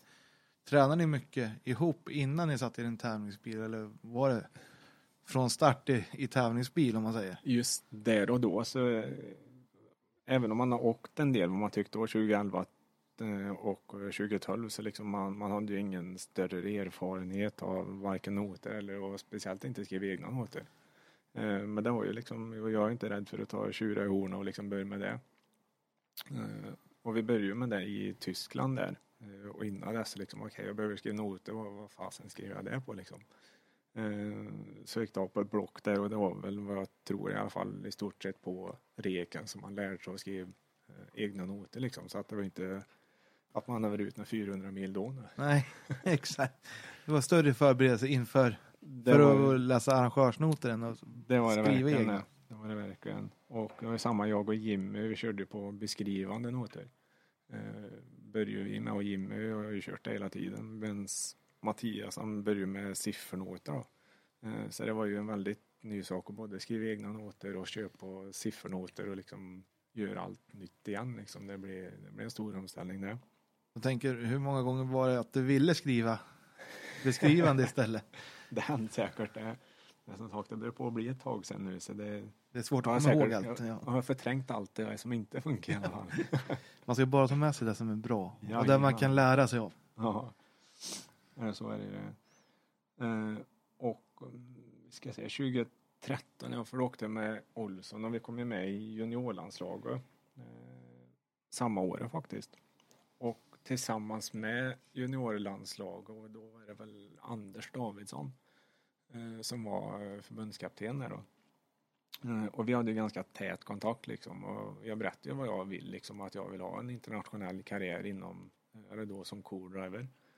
Eh, och vi sa det att om, om du får liksom hjälp med att komma ut på, på VM och liksom se hur det funkar och, och då fick jag, vad var det, flygbiljetter eller Eh, ett bidrag till flygbiljett för att komma ut på, på VM och liksom eh, och se hur det funkar på, på utlandstävlingen på riktigt liksom på, på en stor VM-tävling. Jag vet jag var ute och kollade på TK och regroupingar och eh, väldigt mycket sådana saker just hur det funkar där och det hjälpte mig väldigt mycket senare liksom. Och just framförallt att vara ute och i ett och sättet. För det, det är stor skillnad utomlands och i Sverige. Det kan jag tänka mig. Och sen alltså kul att man får en sån chans genom ett landslag också. Att någon verkligen hjälper en dit man, dit man säger att jag har det här målet. Kan ni hjäl- alltså, hjälper till med att komma ner och se sånt här. Precis, och speciellt som kartläsare också liksom. För det är oftast är det chaufförer som liksom vill någonting och sen så är det en kartläsare som behövs för att chauffören ska nå det målet. Eh, men just jag var väl eh, väldigt drivande själv liksom att jag vill ha en sån här karriär. Eh, och med vilken chaufför det blir, det liksom bara vill samma sak som mig så liksom det, det hjälper mig då. Var det väl. Ja, och 2013 det var det året, sista året du åkte med Mattias va? Det var det. Det, avslut- det som var lite roligt också med just den fiestan som jag näst, jag var halvvägs med och hämtade i alla fall. Eh, för jag och Jimmy, jag tror vi rullade den, det kunde vara sex, sju gånger säkert. Eh, och Mattias Olsson, för Jimmy gav sig med rally 2012. Eh, och Mattias Olsson köpte den bilen av Jimmy. Så jag blev med både bil, eller med bilen i alla fall då, till, till den nya chauffören. Eh, Och vi körde den ända till Linköping, var det väl det? Och det gjorde vi ett skrot av en. Så jag var med ifrån där bilen föddes till där han stendog tror jag. Du, du följde med den hela vägen. Det var ju tur att inte du gick samma öde till mötes Ja, där. ja. ja, det var faktiskt, det var nog den värsta kraschen jag varit med i, just i rallybil i alla fall. Det var en sån riktig pärla så jag slet av tak och bågen och hela köret där så det var det blev ingen bra med den bilen. Eh, och det, det brukar vara roligt för dem, just med rally och säkerhet och sånt. Så liksom rally, det, det är sällan dock att det händer, eh, men det är väldigt sällan det händer allvarliga olyckor liksom. Eh, Och i och med crossen så jag har jag varit med om ett och annat sjukhusbesök med crossen liksom. Eh, Och det behöver inte vara det att det är liksom dramatiska krascher med crossen för att man ska behöva komma till sjukhus och eller liksom ha bröt någonting. Men just den här kraschen med Olsson där liksom, det var, det var nog första gången jag tror att nu kommer jag definitivt att dö för nu smäller det som bara busen. Vad var det ni slog i? Var, var det träd inblandat? kan Nej, det var, vi gick ner och gen lite för mycket och prickade en sten. Och den vände upp oss på så att vi går med taket först ut över eller ut av vägen och precis när du går av vägen så ligger det en sten där också, en modell större som går rätt i framrutan på bilen. Och rensar ju allt bak liksom så att det drar ju av tak och alltihop på bilen. Och efter det så rullar vi ett par varv ut på ett det, men som sagt, det klarar sig. Det var en, enk, eller en lätt hjärnskakning. Men annars var det inte några problem alls. Liksom. Ja, det säger ju väldigt mycket om hur bra säkerheten är i bilarna. Det är oerhört stor säkerhet. Jag brukar jämföra ibland med, säg som fotboll till exempel. Eh, Även om jag går på en division 7 match i fotboll, liksom, det är alltid någon stackare som vricker foten och det slås blåmärken och alltihop. Eh, Så jag tror att det är mer skador där än vad det är på en normal rallytävling. Liksom. Det tror jag absolut det är. Och sen, och du som en, ändå vet det, hade det här med från crossen också. Måste ju känna oerhört trygghet i att det är så förbaskat säkert att sitta i en rallybil. Ja, det är Med dina skador och det också. Ja, men verkligen. Verkligen. Och det är liksom, man fick ju eh, ett bevis på att man sitter fruktansvärt säkert i en bil. För det är liksom det, och även de krascher som har hänt nu eh, de senare åren också. Liksom när jag går i stort sett fullt på högsta växeln för en del och liksom bara drar rätt ut i skogen.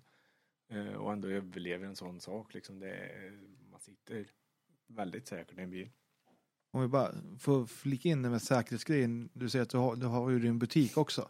Är det många som efterfrågar hjälp också om hur de ska använda säkerhetsutrustning när de köper den? Jag brukar alltid det är inte ofta en fråga liksom om det, det är mer att jag ska ha en stor, jag ska ha en hjälm för att de säger att jag ska ha en. Eh, men det brukar alltid vara med och hjälpa liksom och förklara hur hjälmen ska vara liksom nackskydd och speciellt stol och, och bälten som är ändå vad jag tycker är det viktigaste att ha rätt inställd liksom. Eh, speciellt att du sitter rätt i stolen liksom. För sitter du fel i en stol så kan det liksom vara som att ha eh, ett nackskydd utan rem. Liksom. Det hjälper inte alls så mycket som det är tänkt att det ska göra liksom. Så det är med och trycker mycket mer på eh, eller hänvisar hänvisa vad, vad det är som gäller och liksom vad de kan tänka på. Och där känner jag att jag har en stor fördel med att jag själv håller på med det. Eh, och liksom vet vad som funkar och inte funkar och eh, vad som är bra och vad som är mindre bra också liksom. Och det måste kännas skönt för dig också när du väl får, har sålt grejer till någon. Och att, ja, den lyssnar faktiskt på mina tips här att man gör så här istället för att ta den här stolen som kanske är 500 kronor billigare men Mm. ryggen är alldeles för hög för Ja. det eller bältena sitter inte som de ska. Mm. Ja, men det är ju det som är viktigt liksom. Och det är, för jag, jag tror aldrig jag har sålt en sak utan att kunna stått för, eh, och just när det gäller säkerhetssaker liksom, att kunna stått för att det är eh, rätt sak man säljer till rätt person liksom, så att det inte blir eh, de lätta misstagen liksom som kan vara annars. Nej, och det tror jag många behöver lyssna på också, att man tar hjälp av de som verkligen kan det. här, Eller kan, det finns väl ingen som kan 100 procent, men det finns de som är betydligt bättre på det i alla fall. Ja men precis, precis. Ja, och sen så är det så liksom, sen om man kollar på stolar och sånt så det är inte alltid att en dyr stol till exempel är bättre än en billig stol eller något sånt där. Utan det är ju eh, helt beroende på hur man själv är utformad och liksom längder och eh, hur stor man är och allt sånt här liksom. Så att det som är viktigast är att få en grundstol som passar en själv. Eh, Och sen så var en kuster, det, det kan lika gärna vara en billig stol som en dyr stol liksom. Bara, bara det är rätt stol så är det ju samma omlegering på dem liksom. Ja, exakt. Men om vi ska gå vidare under till din rallykarriär då, så blir ju 2014, det känns som det händer någonting där. 2014 hände det någonting ja. Eh, Och där som sagt, det har jag gått ifrån eh, Olsson och i med den sista kraschen och där som inte alls slutväl så valde jag att gå skilda vägar. Eh, Och då var det väl, kunde vara så att det var Mattias, herr Mattias Adielsson jag började med 2014 det med. Eh, Och jag vet vi åkte väl ett par vintertävlingar också, Svenska rallyt bland annat. Eh, Och började på tanken var väl i stort sett att köra franska mästerskapet i, i person. Eh, Vi har även ett sprint-SM-guld tillsammans. Ja. Eh, Och vi körde väl i Frankrike och svenska där och fick, jag fick väl ännu mer smak för utlandstävling liksom och kände ju att det är det som jag vill hålla på med. Hur bra är du på franska sådär? Nej, det är jag dålig på det. För jag träffade Mattias igår när jag var på Bilsportgalan. Sa han, jaha, ska Patrik vara med? Då måste du fråga. Det var, ni hade stått i någon TK där och de berättade något för dig. Ja, Och du frågade Mattias. Vad sa de? ja du, det kommer jag inte ihåg det. Nej, det var att de hade flyttat målet och, åt Ja, just det, var det ja. och ingen av er hade Det fattat var det. kaos, det var på att krascha rätt in i stoppbilen nästan. Ja. Jag tänkte, ja nu när du säger det. Mattias sa det, därför ingen av oss förstod ett enda ord och han sa det var, var en lärdom att man Ja. ska fråga om, det- om det på engelska. Ja. Ja, det, för det var precis i startbilen där hon kom och han hade några papper som han skrev på franska och han sa någonting på franska. Ja, 30 sekunder kvar till start ungefär. Och förstod vi ingenting och sen körde vi. Sen, sen efter ett tag in på sträckan så fasen var det där målskylten där? Och sen så ser jag stoppskylten liksom typ 300 meter längre fram. Så oj, det blir det var nog målet som har flyttat sig ungefär. Så det var, det är inte alltid lätt att ha med fransoser att göra. Det var, det var fruktansvärt givande tävling faktiskt. Eh, och eh, jag själv lärde mig väldigt mycket på den tävlingen. Jag tror Mattias gjorde det också liksom. Eh, och var för sig lärde sig på olika sätt. Eh, och såg vad man själv behövde för eh, arbete mer på liksom. Exakt. Gjorde vi. Ja. Och det blev ju inte ett helt franskt mästerskap. Det förstod vi ju när Mattias var här från början. Precis, det blev inte det nej. Eh, och där valde vi väl också liksom att gå skilda vägar och pröva andra saker liksom. Så jag började väl med, ska vi se här som vi tar rätt. Kan det vara Niklas Karlsson? Ja, Niklas Karlsson och Per Nordahl där Ja. hoppar in och slår Ja. Nej, Niklas Niklas och stockholmare. Eh, som åkte en del med. Åkte några SM och på Gotland och eh, det var väl eh, också en väldigt stor lärdom liksom att få åka eh, dels fyrhjulsdrivet eh, och sen så med han för det var, vi hade väldigt roligt tillsammans. Eh, man, inte alltid man tror att en stockholmare och värmlänning kan ha så kul men det hade vi verkligen. han är supertalang på att köra bil, verkligen. Så det var kul. Men det är kul när man hittar lite nya chaufförer som man inte kanske... Ja men verkligen. Speciellt liksom jag som, jag är ändå varit inne i ett tag i alla fall, ett par år fram till 2014 men eh, och verkligen se att det finns personer utanför Torsby man kan åka med också. Liksom. Exakt. Och ni åkte ju också, alltså... Och sen fortsatte ni åka under året, eller hur? Ja precis, vi åkte ju det var väl en av de chaufförer som eh, jag hoppade in i liksom då, då han skulle köra. Jag hade ju fortfarande liksom det där att jag måste köra så mycket bil det bara går. Så att de åkte det som gick att åka med. Eh, och vi hade jäkla roligt tillsammans. Eh, sen så kände jag fortfarande att jag ville ju ta ett, ett steg till liksom. Och vara i, mer utomlands och köra allt de där. Och då fick jag förfrågan av eh, faktiskt Pontus Tideman. Vi skulle åka i Norge var det första tävlingen vi åkte i och då i en VRC-bil. Det var en VRC-fiesta där som jag och Pontus debuterade i. Vad det? Hur kändes det? Alltså få kliva in i värld, alltså en riktig värstingbil efter att ha åkt lite, du har åkt mycket R2 har du gjort Ja. och så åkte du med Niklas i en Evo 9. Men sen få ta steget och åka en VRC-bil, det är ju en pojkdröm för Ja, ja. Hur mycket jag, människor som helst. jag tror att det är bra att jag inte förstår bättre än vad jag gör. För det är det som du säger, det är, alltså, det är en sjuk grej att vara med om. Eh, och liksom att läsa noter i en VRC-bil, det allt händer ganska mycket snabbare där i en Volvo original till exempel. Ja, jag kan, säga, jag kan tänka mig det. Och sen, herregud. hur, hur var det med tajmingen? Var det, var det svårt att hinna med till att börja med? Just timingen åt. Jag brukar säga ju fortare det går ju mindre chans är att du gör ett misstag i timing. Eh, för timing, säg om du åker en långsam bil till exempel eh, och en sträcka tar kanske 10 minuter att köra. Eh, då har du tio minuter som du ska sätta liksom alla timer till, till alla svängar och allt sånt där. Åker du en väldigt snabb bil så kanske den samma sträcka tar sex minuter att köra och då liksom har du ju fyra minuter mindre liksom diff på att sätta timingen på. Eh, så, och det är samma liksom om du har som du har 200 höger 3 minus liksom. De 200 meterna i en motorsvag bil, liksom, du kan ju ta en fikapaus i stort sett. Men en VRC-bil är en väldigt snabb bil, R5-bil eller fyrhjulsdrivet överlag. Så liksom det, du hinner inte att göra så mycket så att det är, liksom, det är bara att läsa nästa not. Det. Det är bara att rabbla på. det är bara att stria. Och hur kom du i kontakt med Pontus då? Eller var det Pontus som kontaktade dig? Ponte, i och med att jag var ut eh, där på 2013 eh, med hjälp av eh, juniorlandslag och på VM-tävlingar och sånt. Eh, så har vi ju träffar han ut på tävlingar och Pontus har väl säkert sett att okej men vem är han och han pratar värmländska och verkar rolig och, eh, och framförallt liksom vill det han håller på med. Eh, och jag tror det är det att liksom just vara kartläsare är väldigt viktigt att ha ett driv och liksom visa framfötter och liksom framförallt vad man vill för någonting. Eh, och det var väl så jag kom i kontakt med Pontus också liksom genom att vi hade sett varandra ute och liksom var en del med varandra och sånt. Och till det året så har jag väl för mig att han stod mer eller mindre utav kartläsare, att han var i eh, och bytt kartläsare. Jag har för mig att det var Ola Flöne som åkte med han det året, men han gick väl till Mikkelsen. Eh, Så då var han väl utav kartläsare så sa vi att vi prövar och kör med varandra liksom.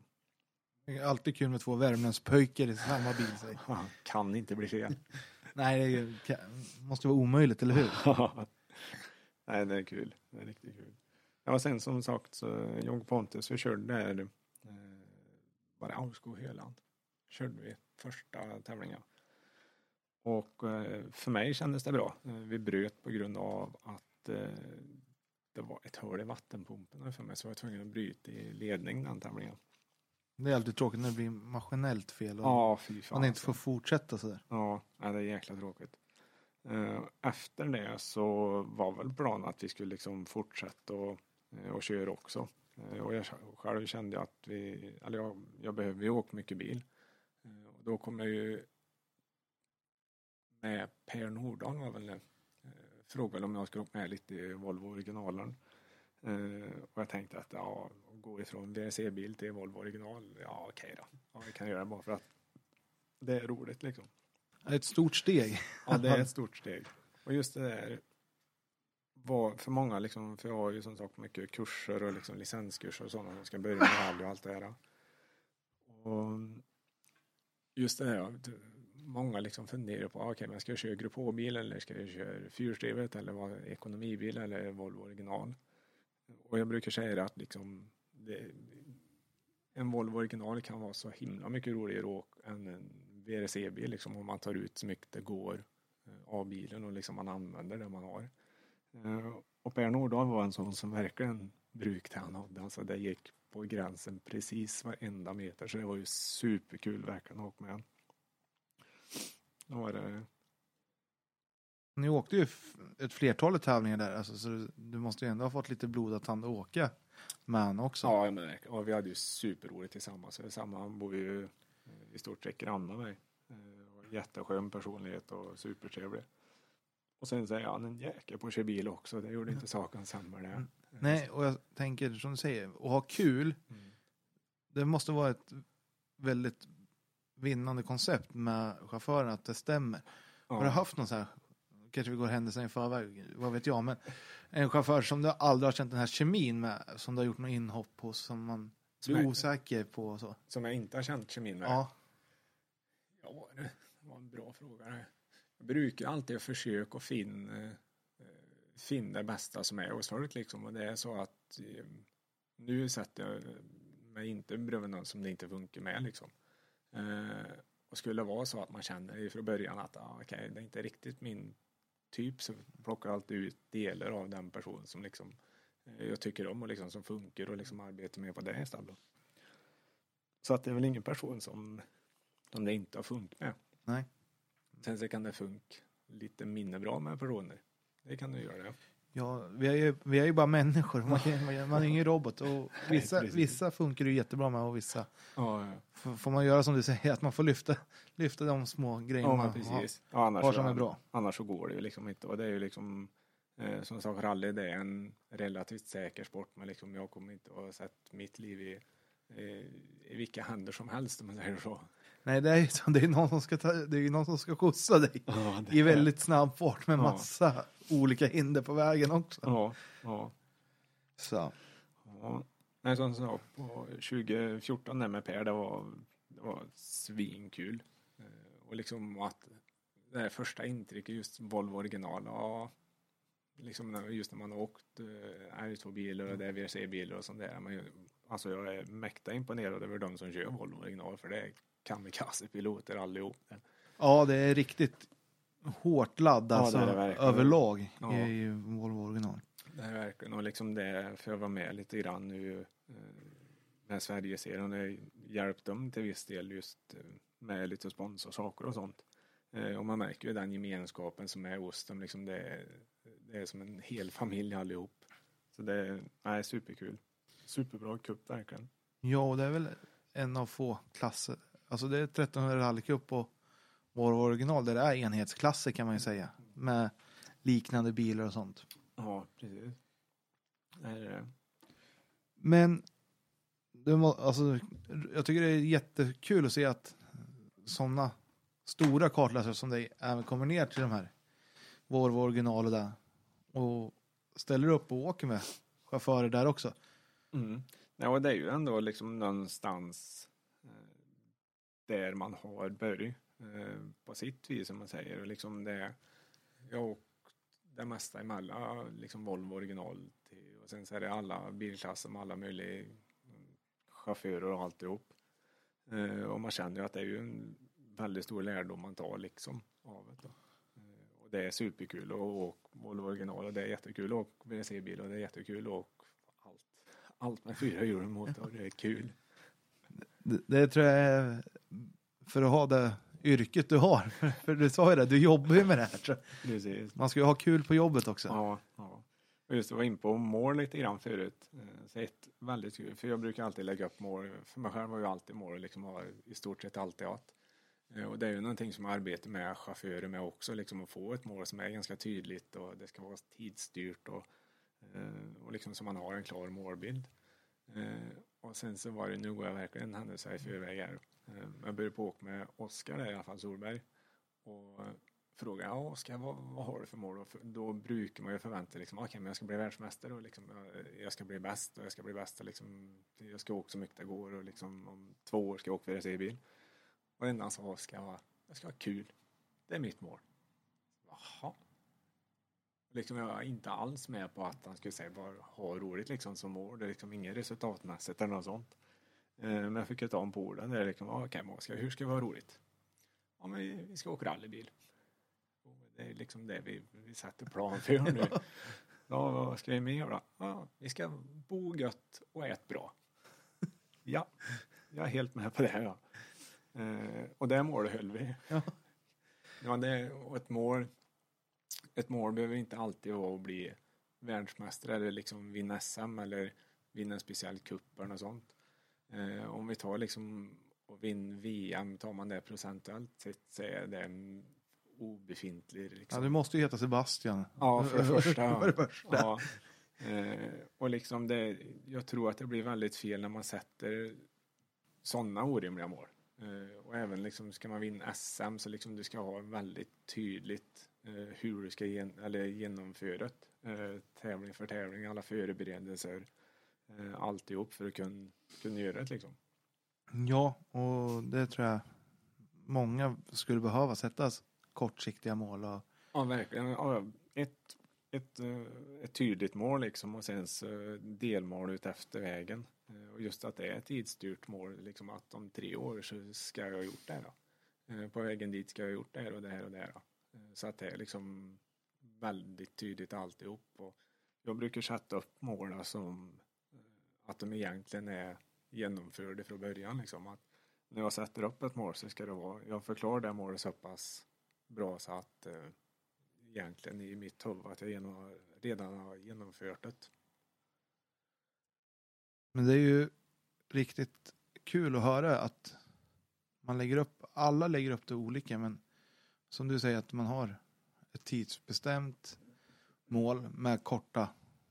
Så, så tror jag många jobbar, men man kanske inte gör det fullt ut. Alltså du kanske hoppar över två steg som du... Precis, oftast är det de två stegen som man hoppar över som är absolut viktigaste stegen. Ja, liksom. exakt. Så det är det som jag alltid säger att liksom utan de målen som jag haft, jag hade inte tagit mig långt alls liksom.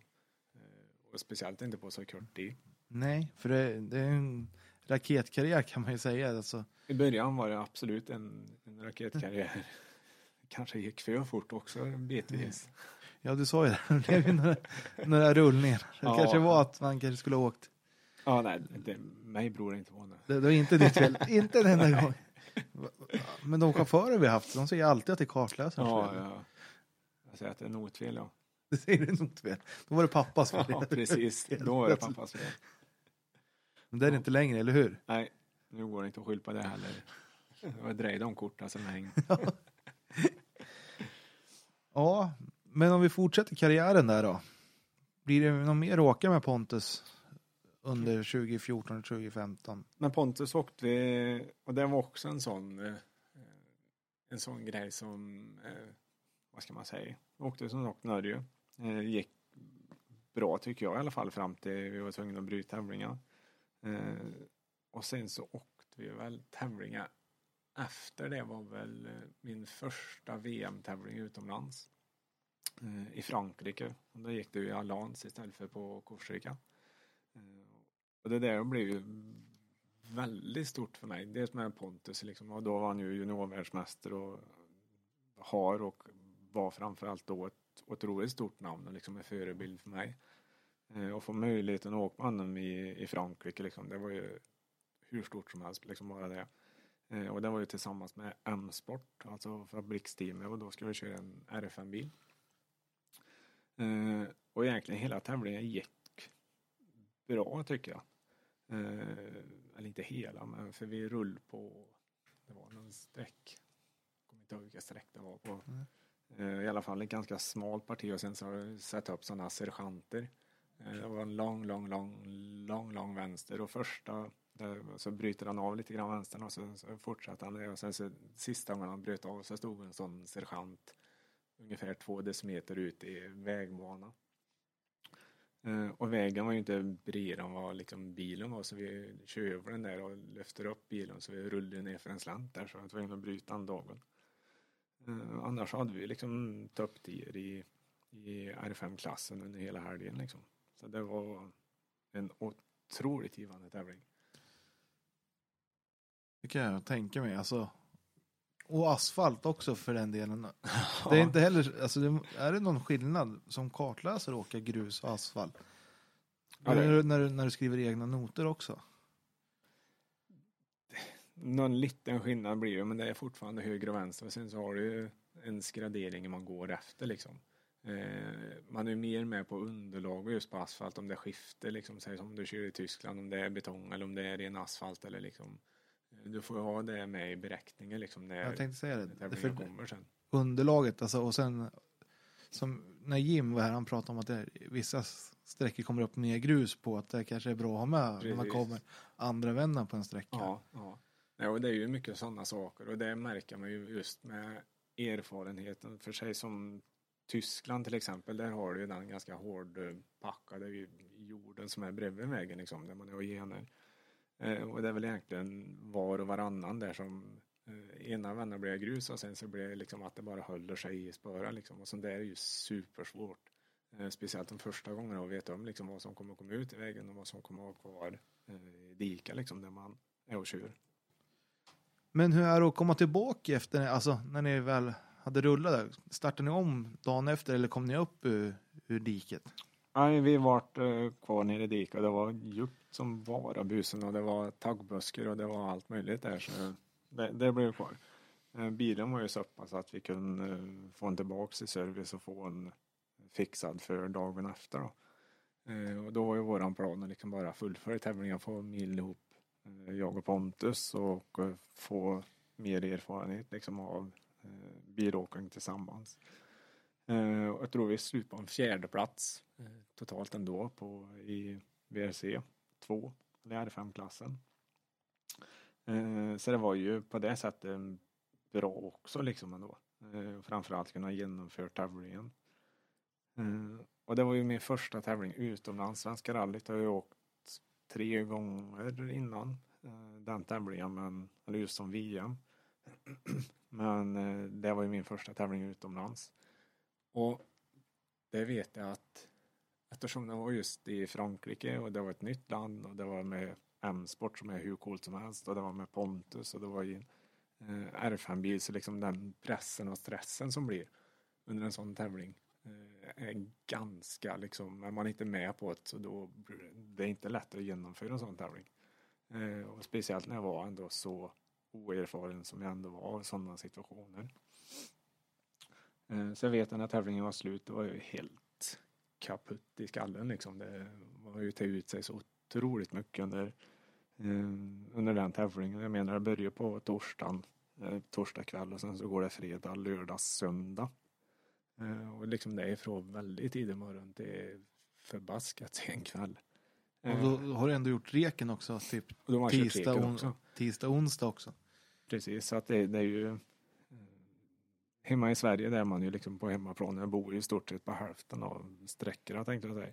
Eh, Frankrike liksom ett nytt land och allt är, allt är nytt liksom. Eh, Så det blir en väldigt stor påfrestning liksom, speciellt som kortläsare. Eh, Så jag tror jag var väl i alla fall sjuk en två, tre veckor efter den tävlingen liksom för att man har tagit ut sig så förnordat på, på, på uppgifter man hade. Eh, och då började jag på att tänka liksom hur man eh, just med förberedelser och vad det är som gör skillnad och sånt inför eh, de större tävlingarna liksom. Eh, och kommer på liksom mycket nya saker med vad man kan göra och eh, vad man behöver att ta reda på, vad man kan få hjälp med att ta reda på och hela den biten också. Sen så har vi ju superstöttning. Säger Säg i Frankrike, och åkt framsport då får vi allt i stort sett serverat liksom. Så jag behöver ju inte ta reda på all information som jag gjorde ändå. Då. Eh, Och det var en sån sak som jag lärde mig under det året. Kul med nya erfarenheter och även att komma in i ett professionellt team för första gången också. Det måste vara riktigt kul och jag kan tänka mig att ni sitter och käkar med de som åker i VRC-bilarna där också då. Ja precis, ja, det är ju jag har pratat på pojkrum förut så det där just åkt med M-sport för eh, fabriksteam och eh, åkt med Pontus liksom det, det är en fruktansvärt frän grej. Eh, och det tog ju verkligen ett steg i rätt riktning i vad jag vill göra med min karriär liksom. Det var det verkligen det. Ja, och blev, åkte ni något mer ihop under 2014? För Frankrike var ju bland de sista tävlingarna har jag för mig. Det Precis, året. ja det var det. det, var det. Eh, Vi åkte föråker i marknadsnatta på senhösten där som är sista tävlingen vanligtvis i Sverige i alla fall. Ja. Eh, Så där åkte vi VRC-fjästan eh, och gick ju bra där också liksom.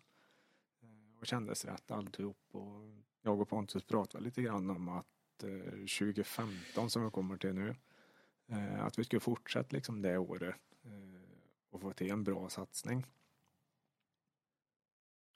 Vad, vad diskuter, alltså, hur gick diskussionerna där under silly season eller vad man ska säga? Det var ju dels att vi skulle fortsätta med varandra. Jag var även i, eh, med, på möte med Even Management. Eh, Even Management för de som inte vet det är ju ett eh, management som tar hand om talanger och sånt baserat eller kommer från Norge. Och det är ju Veiby som har hand om det. Och de har ju talanger som Andreas Mikkelsen och Lappi och Pontus och Ole Christian och väldigt många talanger som åker för dem.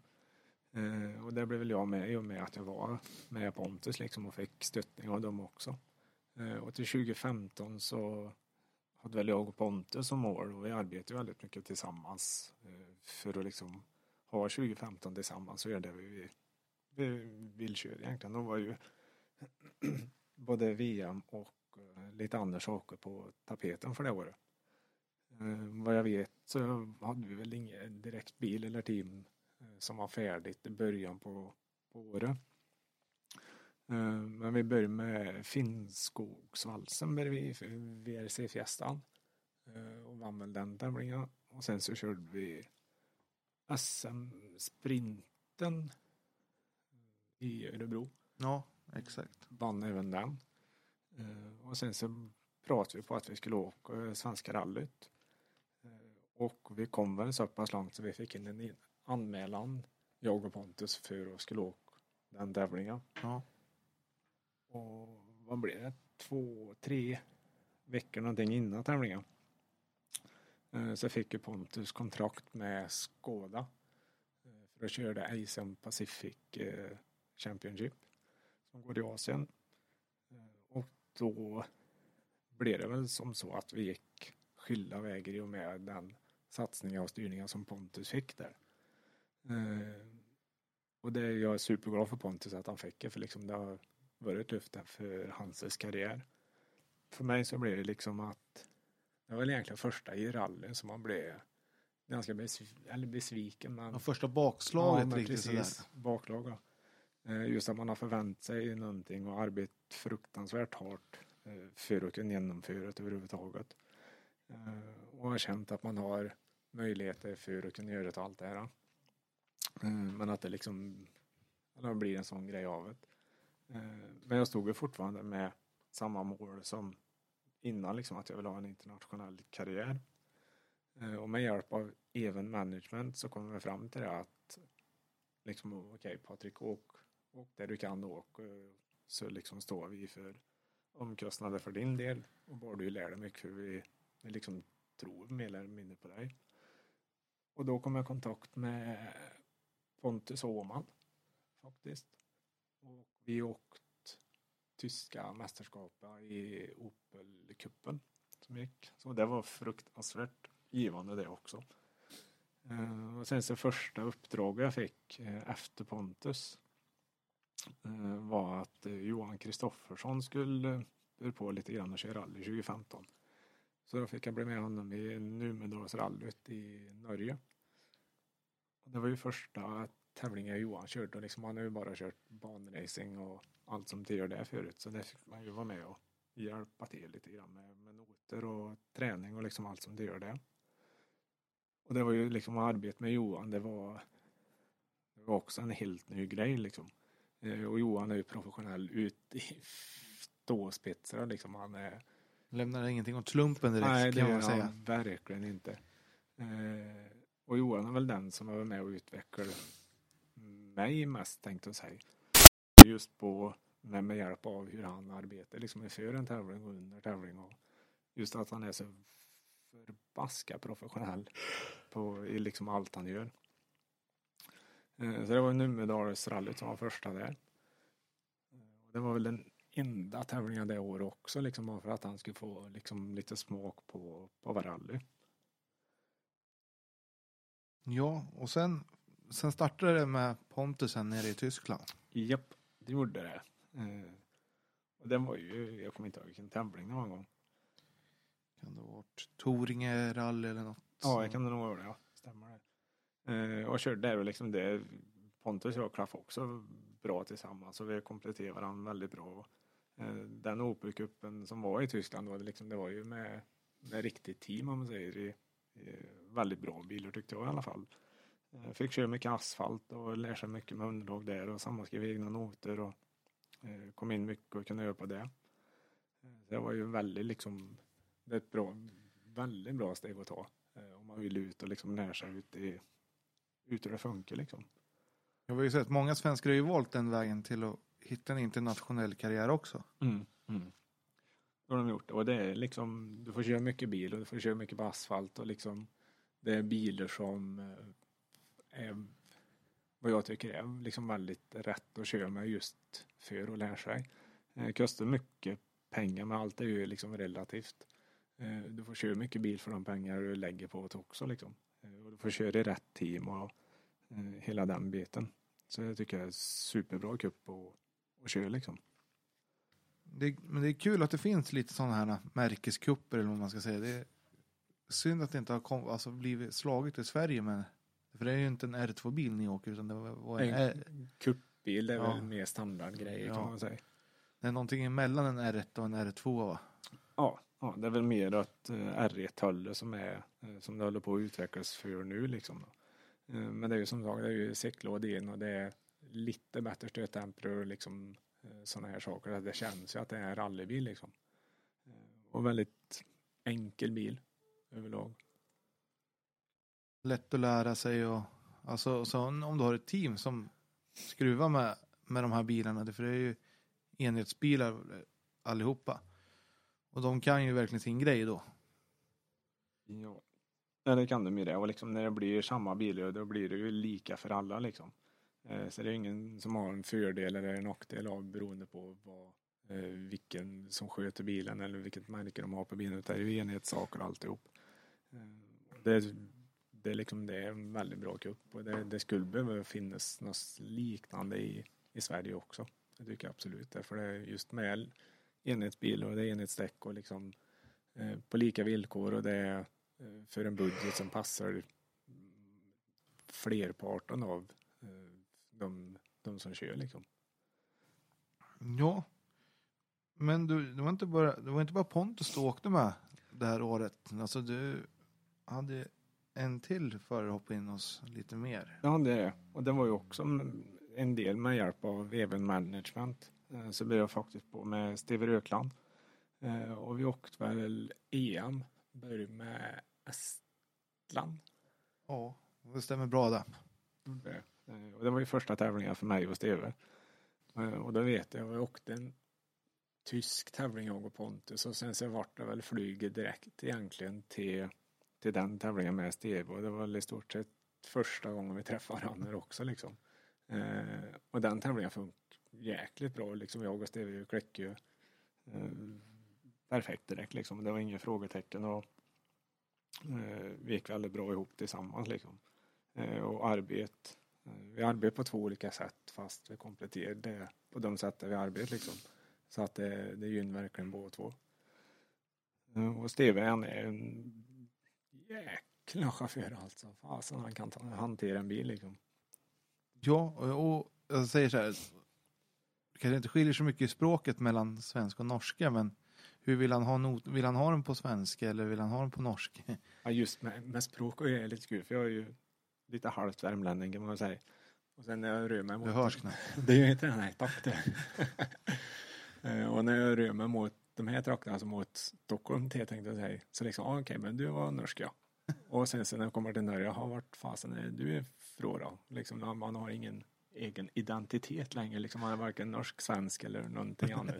Jag vet inte om Värmland får bli ett eget land då, kanske och eget språk. Eh, Men just språkmässigt så och Stefan bor ju liksom bara över gränsen så var det en 6-7 mil till honom så att eh, det är ungefär samma liksom, så det har aldrig varit något problem. Nej, men det är skönt det. Och ni får... Ja, hur skulle du vilja fortsätta med...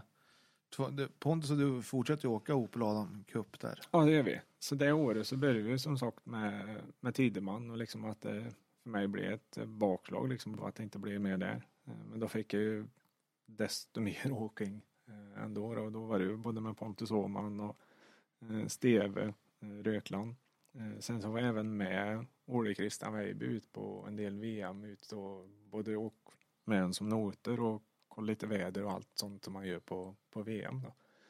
Sen var det liksom var det året som det blev väldigt, väldigt hektiskt liksom. Mycket flyg och mycket resor och jag menar tyska mästerskap hade ett par tävlingar och EM ett par tävlingar och eh, sen utöver det var med på VM också liksom och ut på och lära sig lite grann hur det funkar där. Ja, för det var inte mycket tävlingar i Sverige du åkte det här året. Utan Nej, det efter inte det. sommaren där så blev det ju bara Tyskland och för- EM om man säger. Ja, ja. ja och det är ju, och det är liksom, man kände att det är dit, eh, där man vill vara liksom. Och i och med att i stort sett ifrån det eh, så har jag mestadels åkt med liksom norskar eller eh, utomlands. Så jag tror efter, efter vad blir det? I stort sett SM-sprinten så vi kan ha åkt en tre, fyra tävlingar i Sverige på fem år. Ja, det, Så det, man stämmer. har inte befunnit sig så mycket i Sverige. Nej, exakt. Det är väl mer när du är ute och...